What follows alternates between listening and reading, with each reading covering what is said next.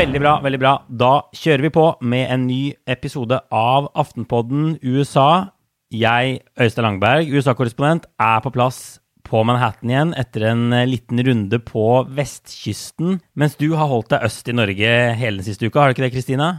Det har jeg. Har vært her i Oslo og svettet meg igjennom en uke med nesten 30 varmegrader. Så Ja, her er det også full sommer i New York. Det er, jeg tror det skal bli 33, 34 eller 35 grader i dag. Jeg har fortsatt ikke fått installert airconditionen på kontoret slash podkaststudioet mitt. Så vi får se om det blir en litt kort episode. Du, eh, vi har tidligere sagt at vi får utrolig mange hyggelige tilbakemeldinger, eh, og det gjør vi fortsatt. Og innspill og spørsmål, noe kritikk selvfølgelig også, som vi alltid lytter til, og gjerne mm. diskuterer oss imellom. Og så tenkte vi vi skulle lage en sommerepisode, eh, en slags mailbag, som de kaller det på engelsk, hvor vi svarer på lytternes spørsmål. Egentlig om alt. Altså amerikansk politikk, USAs rolle i verden, det kan være korrespondentlivet, eller måten du eller jeg eller hele avisa skriver om USA på. Så jeg tenker egentlig bare oppfordrer alle til å sende inn spørsmål. Jeg kan nås best kanskje på Instagram. Oystein Langberg i ett ord heter jeg der. Eller på, på korrespondentkontoen min på Facebook. Jeg vet ikke hvor du kan nås enklest. Jeg tror det er enklest å sende meg en e-post, jeg. Kristina.pletten.aftenposten.no. Ja. Og jeg har en sånn kortadresse okl at ap.no, hvor jeg også kan nås. Så send du, det har sikkert jeg òg, men jeg vet ikke hva den er. Hvordan Ja. Det er, det er et mysterium. Folk kan jo forske litt og prøve å skrive ulike kortadresser og se hva som kommer fram, og så kan vi finne ut hva din kortmailadresse er. Nei, men send inn i hvert fall, og så skal vi prøve å svare på så mange spørsmål som mulig om et par uker i en sånn sommerepisode, når vi to endelig har fått vår velfortjente ferie. Men det har vi ikke ennå. Og akkurat i dag, faktisk, så har det gått et halvt år siden hele verden satt og så på at USAs kongress ble bare stormet av en mobb på live TV. En helt absurd dag. Og vi skal snakke litt om hva for noe nytt vi har lært det siste halvåret. Vi skal snakke litt om alle arrestasjonene som har kommet, og det politiske etterspillet, som kanskje ikke har blitt helt som man trodde den dagen. Men først så får vi ta en liten oppsummering på hva som har skjedd i dette store landet siden sist. Og jeg kan jo kanskje starte For et par uker siden så hadde vi en sånn episode om Høyesterett hvor vi snakket om at en av dommerne nektet å, å, gi seg, og at det hadde kommet en del sånn overraskende dommer. Den var mindre partipolitisk enn ventet, denne nye Høyesterett, til tross for at den jo hadde en haug med konservative dommere. Og så endret det bildet seg litt i forrige uke. Det kom to skikkelige nesestyvere for, for venstresiden, hvor denne domstolen inntok denne klassiske ideologiske splitten som man hadde frykta. Og særlig da den største og viktigste saken handlet om stemmerettsrestriksjoner i, i Arizona, hvor, hvor, høyresiden og de konservative vant fram. Eh, de blir, de blir, beholdt, disse stemmerettsrestriksjonene. Og det ses på som et stort problem for demokratene, som prøver å bruke rettssystemet til å stoppe masse av det republikanerne nå gjør. Og så får vi også ta med at Trump har hatt sitt første rally.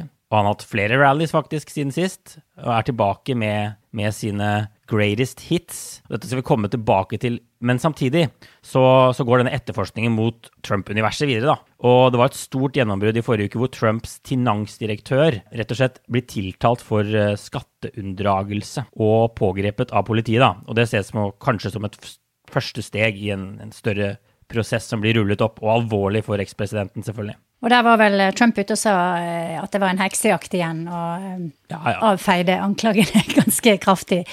Eh, jeg har bare ett punkt fra, på siden sist denne gangen, og det handler om Camelot Harris, som vi snakket om i forrige uke. Mm. Etter at vi hadde snakket en del om at hun er i litt hardt vær, så kom det flere avslørende saker om at det har vært mye rot og tull og krangel på hennes kontor, altså i staben hennes, de som jobber under henne. Og at Biden sin staff måtte gripe inn ved flere anledninger og prøve å roe gemyttene osv. Og, så og det spesielt har det kommet frem at hennes stabssjef prøver på en måte å, å eh, avkorte tilgangen til Camilla Harris, der, så det er nesten umulig for til og med hennes eh, samarbeidspartnere å få kontakt med henne. Så det kan kanskje mm. være noe av forklaringen på at eh, hun har hatt en såpass eh, humpete start som hun har hatt. Ja, vi hadde veldig god timing med den episoden sånn når man så på hva som skjedde etterpå. Det er jo Man kan jo kalle det sånn halvveis en drittpakke òg, den saken av Politico som hadde en sak først om hvor dårlig, dårlig forholdene er. Mm. Men det er jo et tegn på bare at man har kommet dårlig i gang når de type saker. De kommer helt sikkert om Biden også og hans lederstil. Det kommer jo om alle statsministre og deres lederstiler og alltid misfornøyde rådgivere. Men kommer så fort. Altså, de har jo ikke sittet i mer enn fem måneder eller noe. At disse sakene begynner å komme nå, det er et litt dårlig tegn. Det er et dårlig tegn, og så er det jo noe med at Biden har et ekstremt sterkt team, da, virker det som, som er utrolig god på strategi og er veldig flinke til å posisjonere både Biden og det han, eh, han, han skal gjøre og gjør. Så det blir liksom sterk kontrast, da. Så jeg syns mm. det der er litt spennende å følge. Og så må jo vi kanskje nevne at det er har fått i hvert fall et par kommentarer på forrige ukes pod der folk syntes vi var for strenge med Camilla Harris, og at uh, vi var for kritiske. Og til det så har jeg egentlig bare å si at det er ufattelig viktig for hun nå at hun klarer å posisjonere seg på en god måte, og ikke blir sadlet med disse her eh, største problemene som er helt uløselige. Og det var egentlig det vi snakket om. Det var ikke så mye mm. kritikk av Camilla Harris selv som av den situasjonen hun har satt seg i, da. Det er jeg selvfølgelig enig i, så det er bare å høre på den poden. Vi tenker at den står seg godt, kanskje til og med bedre enn den gjorde da vi lagde den i forrige ja. uke. Men du, nå kan vi gå egentlig nøyaktig seks måneder tilbake i tid. Den dagen så var det også sånn at vi lagde en podkast. Jeg husker jeg var i Oslo. Vi var på formiddagen norsk tid. Det hadde vært et valg i Georgia som demokratene hadde vunnet. Det var en, en, en veldig stor dag for demokratene, en historisk dag. Og så nevnte vi på slutten av episoden at det skulle være sertifisering i Washington DC. Eh, det var noen protester, men vi sa vel at vi håpet og trodde det ville gå rolig for seg til slutt, da, sånn som de aller fleste sånne protester hadde gjort. Og så ble den episoden gammel i løpet av noen ytterst få timer. Fordi altså, jeg, jeg, satt og så på TV, og du satt og så på TV, og jeg husker vi skrev til hverandre om det som skjedde. Og det var jo sånn at vi fikk rett og slett se det som egentlig så ut som et pågående kupp en stund, live mm. på TV. Og Først så, så det ut som bare var sånn uro, og så plutselig kom disse bildene at folk tok seg inn i Kongressen. Og så fikk vi lov til å se bilder av folk inne i senatskammeret. Det var veldig, veldig, en veldig veldig kaotisk dag. Og bare sånn ja. En helt utrolig dag. Ja, det var helt uh, ufattelig. Vi fikk, vi fikk, jo også opplysninger om at de hadde evakuert kongressmedlemmene. Altså både Huset og Senatet var evakuert, og ingen visste helt hvor f.eks. visepresident Pence var.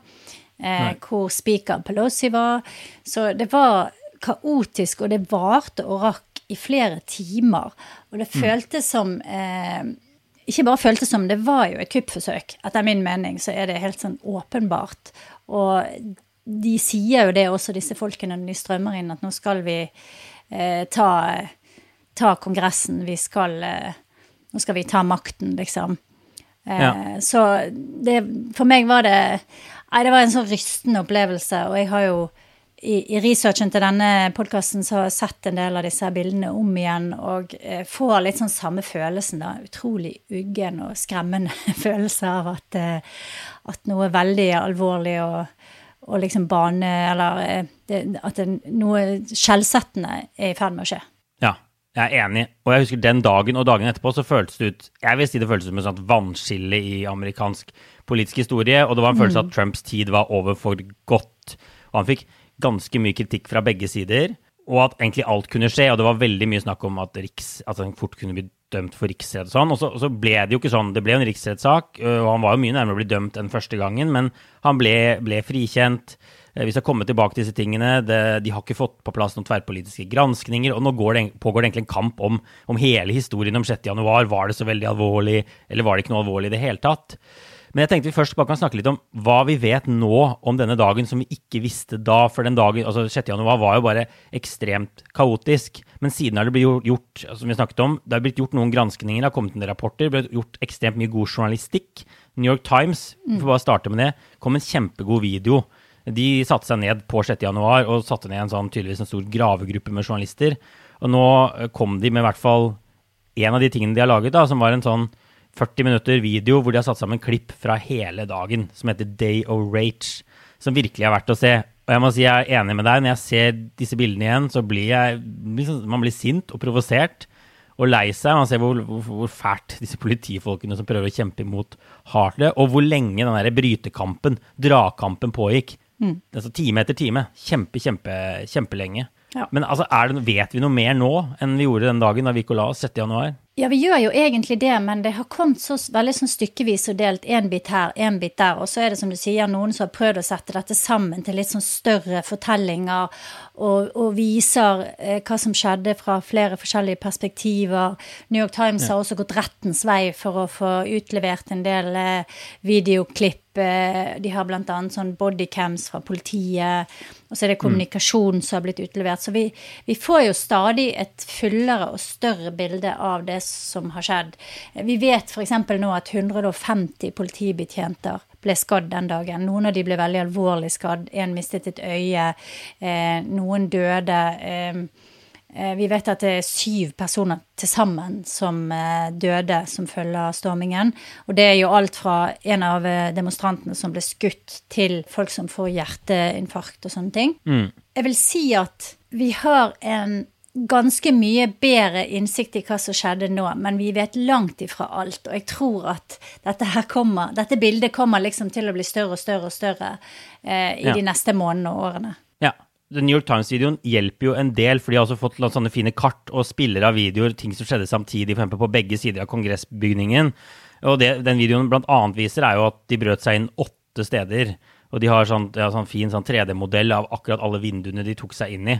Så det kommer frem en del sånne nye detaljer. Og så blir det veldig sånn klart for meg når jeg ser det, at uh, ingen ante hva dette var, eller hva de skulle gjøre. Og politifolkene hadde en veldig sånn forskjellig reaksjon. New York Times viser noen steder så slipper de nærmest altså Etter litt sånn håndgemeng så slipper de, slipper de disse aktivistene, angriperne, mobben, bare rett inn. Andre steder så står de jo og, og slår med køller og kjemper mot hverandre i hvert fall det som virker som mange, mange minutter, kanskje timer. Mm. Uh, så, så, det virker som de bare ikke helt visste de, hvordan de skulle håndtere det her, og hva det var. Og det er også sånn slående at det var ingen arrestasjoner denne dagen, f.eks. Sånn som det ville vært i en vanlig demonstrasjon. så ville jo du, Når du har sånne demonstrasjoner i gatene, så kommer disse svære politibilene, så bare fyller man de opp med demonstranter og kjører de til, i, til, på glattcelle. Det skjedde jo ikke. Veldig rar, Nei. veldig en rar dag. Ja, det er kjemperart. Og så var det jo politiet så utrolig dårlig forberedt. Og her er det jo flere forskjellige institusjoner innblandet. Du har politiet som hører til Washington, altså byen Washington sitt politi. Og så er det et eget politikorps som eh, hører til selve Kongressen. Så, og så mm. er det igjen delt i en som er sjef for Huset, og en som er sjef for Senatet. Og så har du National Guard, som ikke kom før fire timer etter at det ble lagt inn en request for, et, for hjelp. Mm. Eh, vi har fått vite at en del av disse politimennene, de første politimennene, som er de som er, jobber til daglig i Kongressen, da, de hadde liksom disse her skjoldene sine og beskyttelsesutstyret innelåst i en buss. Så når de skulle dra for å hente det, så kom de seg ikke inn i den bussen, for den var låst. Altså helt sånn der Du kan ikke fatte og tro at eh, den viktigste bygningen i USA, kanskje bortsett fra Det hvite hus, er så dårlig beskyttet. Og at ikke man hadde en bedre plan. Og at når noe sånt skjedde, da, at ikke det var en kriseplan som liksom bare klikket på plass, der alle bare kom og, og gjorde det som de hadde trent på. Jeg syns det er helt ufattelig. Og det, det, blir mer og mer ufattelig jo mer som kommer frem av det. Ja, og dette er jo en av de tingene som har vokst frem vi får si de seks månedene siden dette skjedde. Mm. da, denne, hva, hva, hva, var egentlig greia med politiet? For det bare virker som en ja, sånn bare, De håndterte det elendig. Og i den New York Times-videoen så hører man jo de rope er det noen som har en plan? Altså, det virker jo ekstremt desperat og utrolig trist å se på. De, de mm. ante, ikke hva, ante, ikke hva, du skulle gjøre. Og det er jo også en kamp nå om hvem som har skylda her. Som ikke bare går på Trump, og som vi skal komme tilbake til, men også politiet, etterretningsorganisasjoner. Jeg tror altså politiet, i hvert fall kongresspolitiet, eller om det er politiet i DC, det er, du, som du sier, det er veldig sånn stykkevis og delt her, de sier at de ikke hadde etterretning som tydet på at tusenvis ville angripe Kongressen på den måneden. Her så de sier at de ikke hadde sjanse til å forberede seg. De fikk all denne informasjonen. Det var, det var liksom rykter og, og, og, en del sånne ting som ulmer på bakken, men, men, de visste ikke nok til å kunne forsvare bygget ordentlig. Men jeg vet ikke liksom, hvem man skal tro på. Nei, har jo, de har jo hatt høringer i Kongressen der noen av disse her har vært inne og vitnet. Og til og med der så er det forskjellige fremstillinger av f.eks. For hvem og når eh, Hvem som ba om hjelp, og når de ba om hjelp fra disse sjefene i kongresspolitiet. Og så mm. fins det ingen eh, record av det de har gjort. Eh, og så er det jo sånn at noe av det, f.eks. det at de skulle få hjelp av National Guard, det måtte innom Pentagon, og da måtte øverste sjef i Pentagon, altså eh, forsvarsminister eller hans tilstedeværende, eh, de måtte godkjenne en sånn request før de kunne sende inn National Guard. Og så var ikke de forberedte, de hadde ikke utstyr, så de måtte tilbake mm. og hende. Altså, det er bare et sammensurium uten like. Og så kan man jo spørre seg om hvordan disse avgjørelsene har blitt til. Jeg må være litt forsiktig med hvordan jeg snakker nå, for ikke høres for konspiratorisk ut. Men det har jo også kommet frem at man var redd for Eh, det som de kaller for the optics. Altså de var redd for at hvis de slo for hardt tilbake, så skulle ikke det se bra ut. Og at det, var snakk om ytringsfrihet. Dette var presidenten sine tilhengere. Det var han som hadde snakket til de like før de gikk. Og det har jo mm. helt sikkert også spilt inn her, da. Eh, mm. Og akkurat den biten føler jeg at vi vet fortsatt altfor lite om. Altså, hva ja. har Trump gjort? Hva har hans rådgivere Hva slags signaler har de sendt ut? Eh, hvordan har hele, eh, hele regjeringen forholdt seg ja. til det som skjedde bare noen hundre meter unna der de satt? Ja, og det er også et bilde som, som, sakte, men sikkert blir fylt inn. Jeg leste en sak i New York Magazine av Michael Wolff, som eh, også har skrevet en bok om Trumps siste dager, hvor de har en sånn utdrag, og han beskriver innsiden av Trump-administrasjonen han beskriver det vel egentlig som at Trump først og fremst var opptatt av at Mike Pence ikke ville gi ham valgseieren, og han var bare manisk opptatt av det. Og de fikk egentlig, de skjønte egentlig ikke alvoret i det som foregikk ute i gatene, angrepet på Kongressen. Trump brydde seg ikke så veldig mye om det før veldig, veldig sent. Han var, han var, bare helt sånn manisk opptatt av Mike Pence. Men han beskriver heller ikke en Trump som sitter og orkestrerer dette angrepet på noen som helst måte. Han, de, I Det hvite hus sånn som han mener, så så de på dette som et sideshow, hele den derre rally Trump hadde foran Det hvite hus, og at disse marsjerte mot, mot Kongressen. Det, det undergraver jo litt den teorien om at Trump på en måte har planlagt dette da, og ønsket at de skulle angripe. Men samtidig så har vi jo retorikken hans, så det kan jo være altså, Det var det de brukte masse tid på under riksrettssaken. Trumps retorikk og måten han snakket om og brukte sånn altså, voldsbegreper og sånn i tiden frem mot det. Men eh, mønsteret til Trump er jo Han sitter jo ikke og planlegger noe som helst. Og det har han jo aldri eh, gjort, hadde jeg nær sagt. Men han kaster bensin på bålet, og han nører oppunder, og han vet mm. veldig godt hva han gjør. Og det har jo også vært beskrevet ganske mye hva, hva, som skjedde i ukene og månedene før dette her, og hva han sa, og hvordan han fremstilte altså at Amerika var under angrep, og her må dere ta tilbake landet osv. Og, så mm. og hvordan han En annen ting som har kommet frem, er jo hvordan han har prøvd å presse Justisdepartementet, presse forskjellige, forskjellige mennesker til å mm. gjøre om på valgresultatet, og har sagt da at dette var liksom eh, siste mulighet, ikke sant. Og vi vet også at Trump ringte til en av eh, senatorene, tror jeg det var, eh, mens de satt i, eh, i skjul, da og var mm. evakuert. Og, og, og, eller var det Kevin McCarthy, kanskje? Og der vedkommende sier til presidenten at 'jeg kan ikke snakke med deg nå fordi at vi er evakuert og det, folk angriper oss', liksom. Så det, ja. det, er jo utenkelig at ikke Trump visste hva som skjedde, og hadde full oversikt over det og ble informert om det. Og hvis han ikke visste det, så er jo det fakaten meg like gale. Altså, unnskyld meg. Du er president i USA, og noen angriper Kongressen der visepresidenten din sitter. Eh, det bør du vite, og du bør være på ballen, og du bør liksom bare gjøre alt du kan for å slå dette tilbake. Så og så bare for ta en, en, siste ting, Nå har vi snakket om politiet og Trump, men det er også dette spørsmålet om hvor mye var planlagt av de som faktisk gikk inn i Kongressen. Og der mm. ser jeg New York Times sin oppsummering av sin journalistikk skriver at det var mye impulsivitet. Jeg tror de skriver at førstemann inn i Kongressen var en helt vanlig far et eller annet slag. Men så var det også en del som hadde lagt planer, og de trekker jo særlig fram Oath Keepers og Proud Boys som to mm. sånne militser som har samband, og de, har, de hadde kanskje ikke våpen i den forstand at de hadde skytevåpen, men de hadde jo balltrær og strips og, og, og sånne ting. Eh, og de, noen av de var ut og inn flere ganger og hadde kontakt rundt bygningen. Så det virka jo veldig organisert, og de snakket jo om å ta seg inn i Kongressen i dagene før. Så, så og ukene før. Som, Ja. Så det virker som det har vært en god del planlegging her, og så fikk de med seg mange flere enn de hadde trodd også. Mm. Og det er jo eh, ikke sant, det er jo ikke et militærkupp i den forstand at du hadde en, en veldig organisert milits som forsøkte å kaste regjeringen, men eh, du hadde allikevel elementer som ble oppfordret til å utøve denne type vold, da. Og så hadde du jo planlegging i veldig mange dager. Og det var jo Trump som inviterte disse folkene til å komme til Washington og ta tilbake landet sitt, som han sa. Og forsvare demokratiet og fight like hell og alt det der. Så du mm. hadde jo en planlegging der folk kom fra alle stater, tror jeg, i hele USA til Washington med busser, med fly.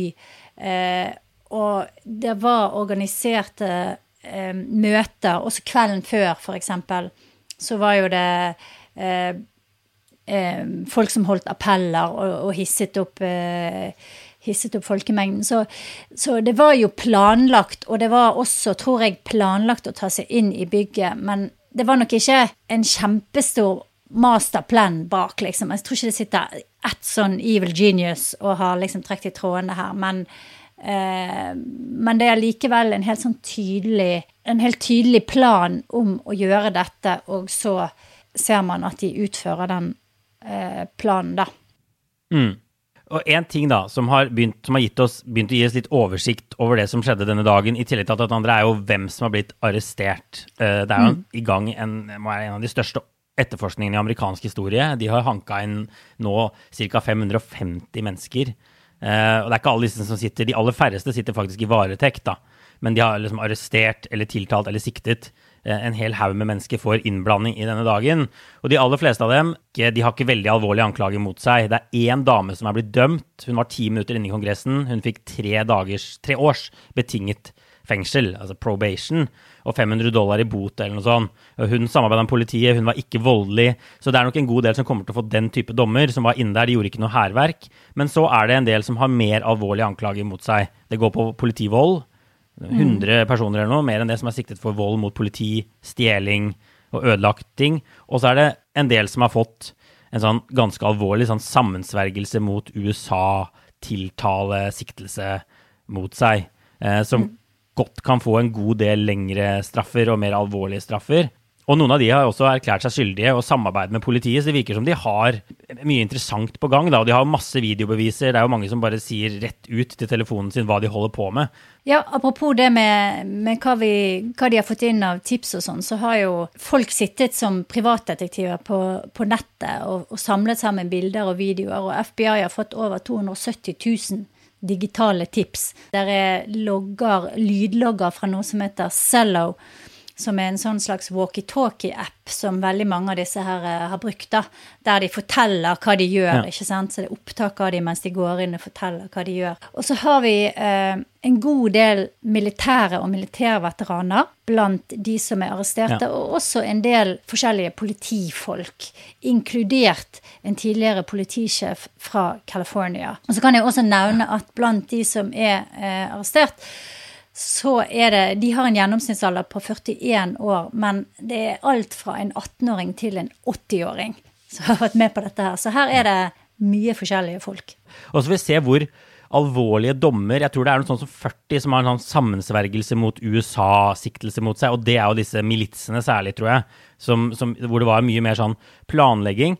Men så, så, var det også noen som hadde håpet at de skulle få enda strengere siktelser. Jeg tror ikke dette er helt avklart ennå, og Justisdepartementet jobber med det. Men det er noen som har ønsket sånn type sedition, som er mer sånn oppvigleri mot staten, et forsøk på å velte, velte statsapparatet. Og der har man ikke sett noen tiltaler ennå. Så vi får se akkurat hvor, hvor, dette ender til slutt, og hvor gode saker politiet føler at de har da, mot disse mm. folka.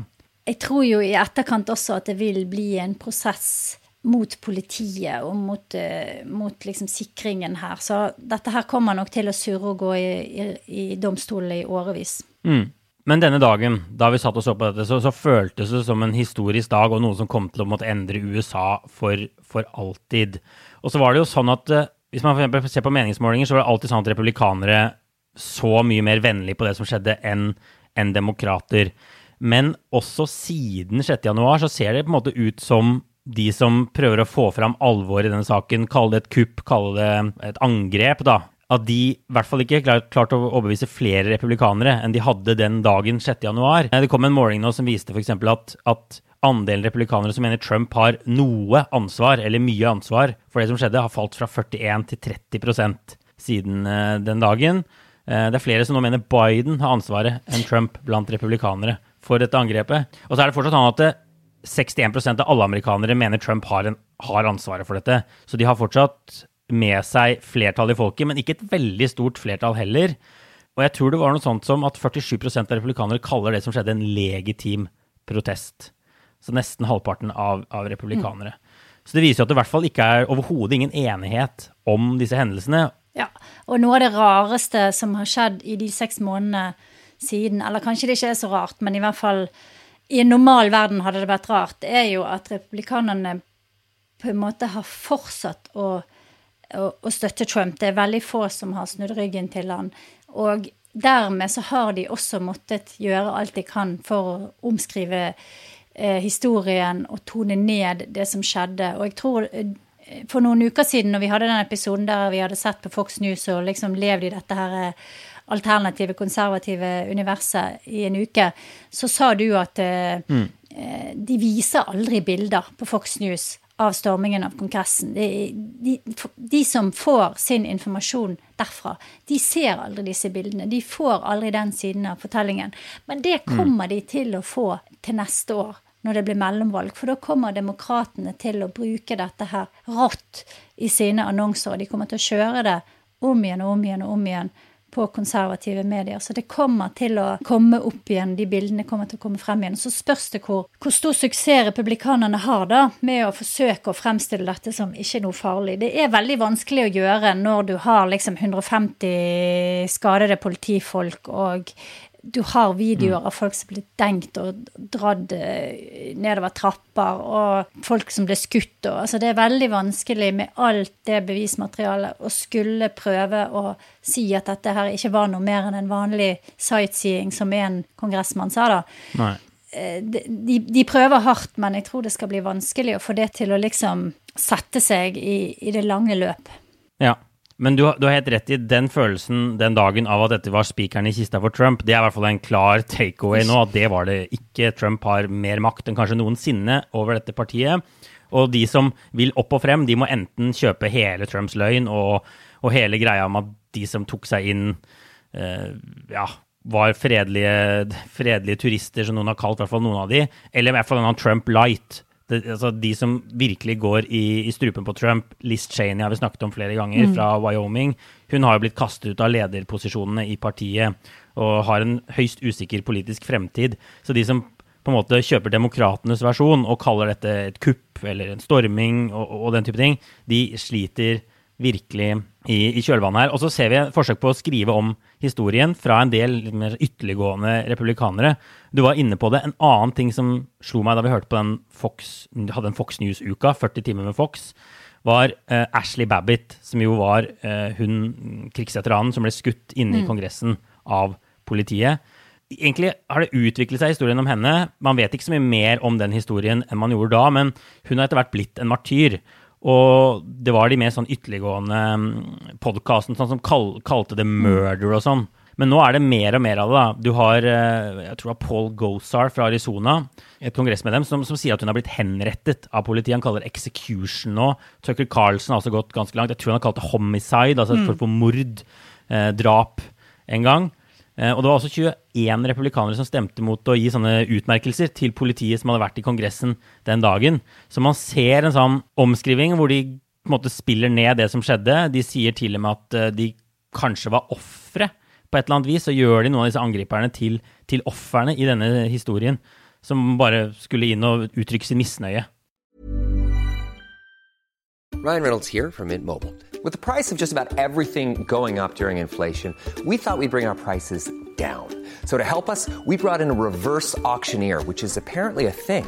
Mint Mobile unlimited premium wireless. Ready to get 30, 30, bit to get 30, bit to get 20, 20, 20, bit to get 20, 20, bit to get 15, 15, 15, 15 just 15 bucks a month. So, Give it a try at mintmobile.com/switch. $45 upfront for three months plus taxes and fees. Promo rate for new customers for limited time. Unlimited more than 40 gigabytes per month. Slows. Full terms at mintmobile.com. Ja, det mest skremmende med dette her er jo at innad i disse her eh, militsgruppene og de miljøene som før har vært veldig sånn fringe-greier, det har vært sånn langt ute på høyrekanten, så er den ideen om væpnet revolusjon, den er ganske sterk. Det er liksom sentralt i deres verdenssyn da at en dag så skal de ut med gønnerne sine og ta tilbake Amerika.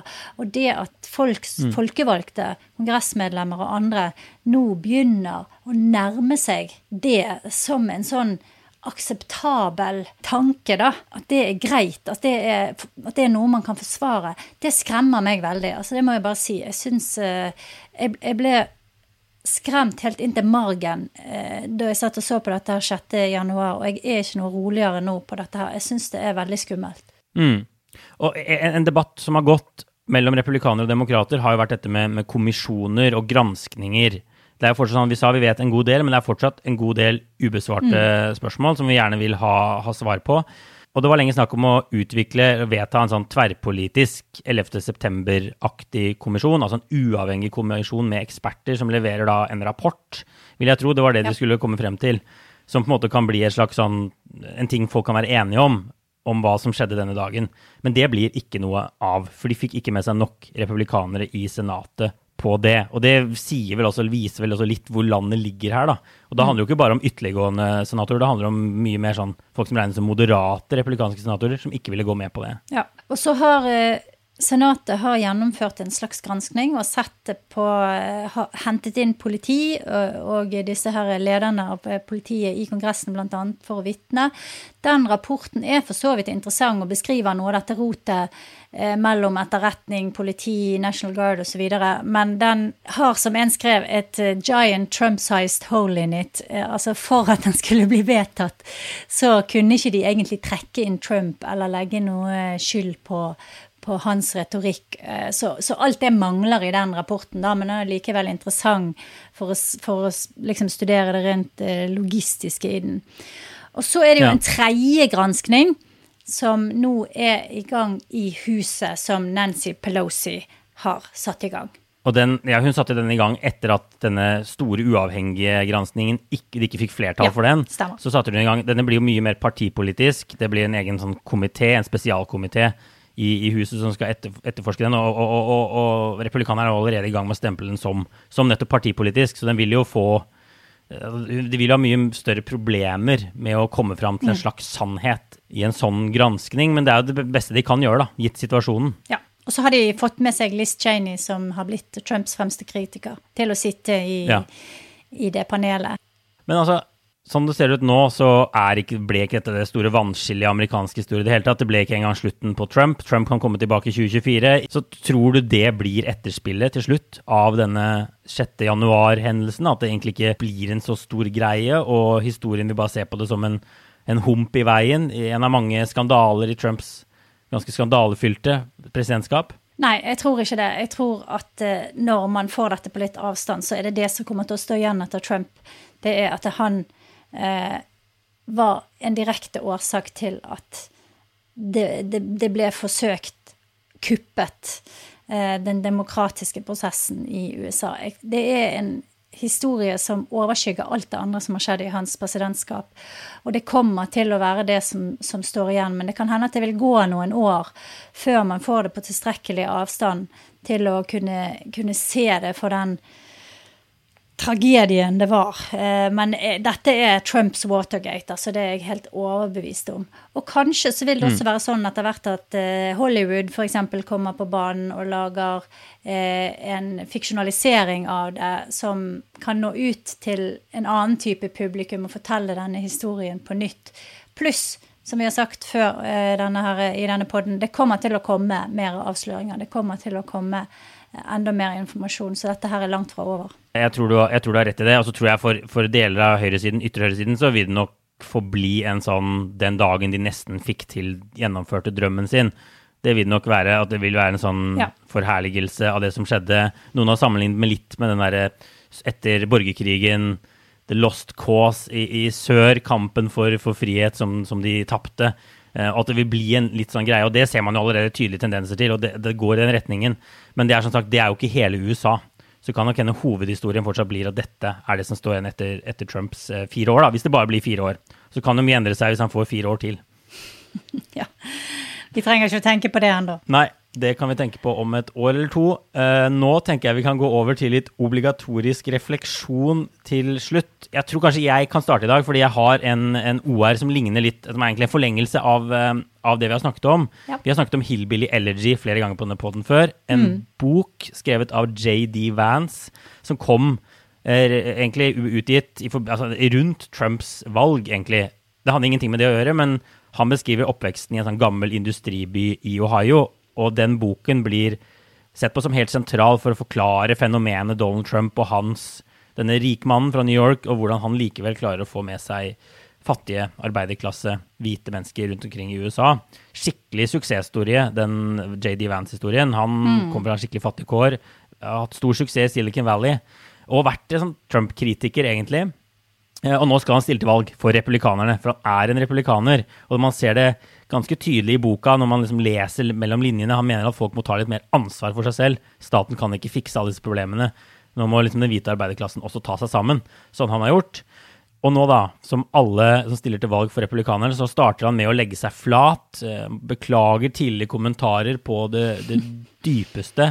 Og han blir, ber nå om å ikke bli liksom, dømt basert på det han har sagt tidligere. Og da gjelder da selvfølgelig kritikk av Donald Trump. For Vance har vært kritisk til Donald Trump. Eh, han har kalt ham noe sånt som politikken hans avskyelig overfor innvandrere og sånn. Han sa vel i 2016 at han skulle stemme på en tredje kandidat, og ikke på Trump. Eh, nå, nå, sier han jeg tok feil. Han var en langt bedre president enn han hadde trodd. Som også er en fin ting, og Det er morsomt å ikke ha vært med på Trump-vogna i 2016. For den gangen så kunne man i hvert fall si at han var en forsvarer for arbeiderklassen. Han hadde mye interessante ideer for industripolitikk og sånn. Men at man hoppet på vogna helt på slutten, når man så alt som skjedde, og, fortsatt fortsetter å forsvare ham nå, og har blitt måte, mye mer vennlig innstilt, det er superinteressant. Men det er jo helt klart et tegn i tiden. Vance har vært, han stiller til, han skal prøve å bli senator for Ohio, så han må slå ut en hel haug med andre republikanere som nå også omfavner Trump.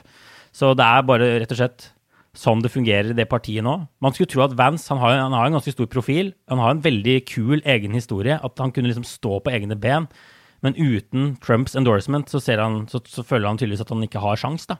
Så han har vært også nede på Mar-a-Lago, på ring. Så det er interessant å se. Eh, jeg har en litt rar OR denne uken, eh, og den er enda mer nerdete enn vanlig. Men jeg får ganske mange rare nyhetsbrev og mye forskjellig i innboksen jeg liker det veldig godt. Blant annet så får jeg et fra Massachusetts Institute of Technology, MIT, som er USAs fremste universitet for realistfag. Og for et par dager siden så hadde de en story om noe som heter The Collatz Conjecture, eh, som er en sånn mattegåte som en eh, matematiker nå skal prøve å løse. og jeg har sittet og, og, og lekt meg litt med dette her, for det er sånn da at hvis du velger et hvilket som helst tall, så hvis det er partall, så deler du på to. Eh, hvis det er oddetall, så ganger du det med tre, og så plusser du én. Og når du reduserer dette her ned, så blir det alltid én. Og etter det så går det i en loop som er sånn 1, 4, 2, 1, 1, 4, 2, 1. Mm. Det høres litt eh, komplisert ut, men det er en sånn uløselig mattegåte som matematikere har prøvd å bryne seg på i mange år. Da, da er det spennende å lese om det. Og så i forlengelsen av det så kom jeg på at eh, en annen gåte som er en skulptur som står utenfor Langley, altså hoved, hovedkvarteret til CIA. Der står det en skulptur utenfor som heter Kryptos. Den ble satt opp i 1991, og den inneholder 865 bokstaver og fire spørsmålstegn. Og det er en gåte, en kode. Og nå har det altså gått 30 år. En del av det er løst, men mye av det er fortsatt ikke løst. Folk over hele verden sitter og forsøker å knekke denne her koden, da.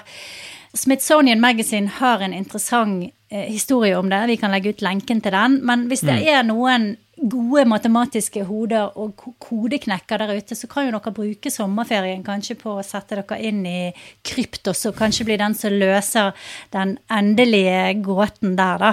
Eh, det er en, eh, en rar og, og, spennende historie. Og nå er han skulptøren som laget denne her eh, i, i, sammen med den, den, beste kryptografen fra CIA, da. Han begynner å bli så gammel at han nå sier ok, kanskje jeg må bare auksjonere vekk løsningen før jeg dør, liksom. Sånn at noen får løst den. Men eh, det er, en, det er, en, veldig spennende historie og eh, verdt å, verdt å se på hvis man er interessert i sånne ting. Veldig spennende, Kristina. Veldig spennende. Mm. Og som sagt så tar vi imot spørsmål til vår spørsmålepisode. så det er bare å sende inn. Og så snakkes vi igjen om en uke. Og inntil da får alle ha det bra. Ha det, ha det.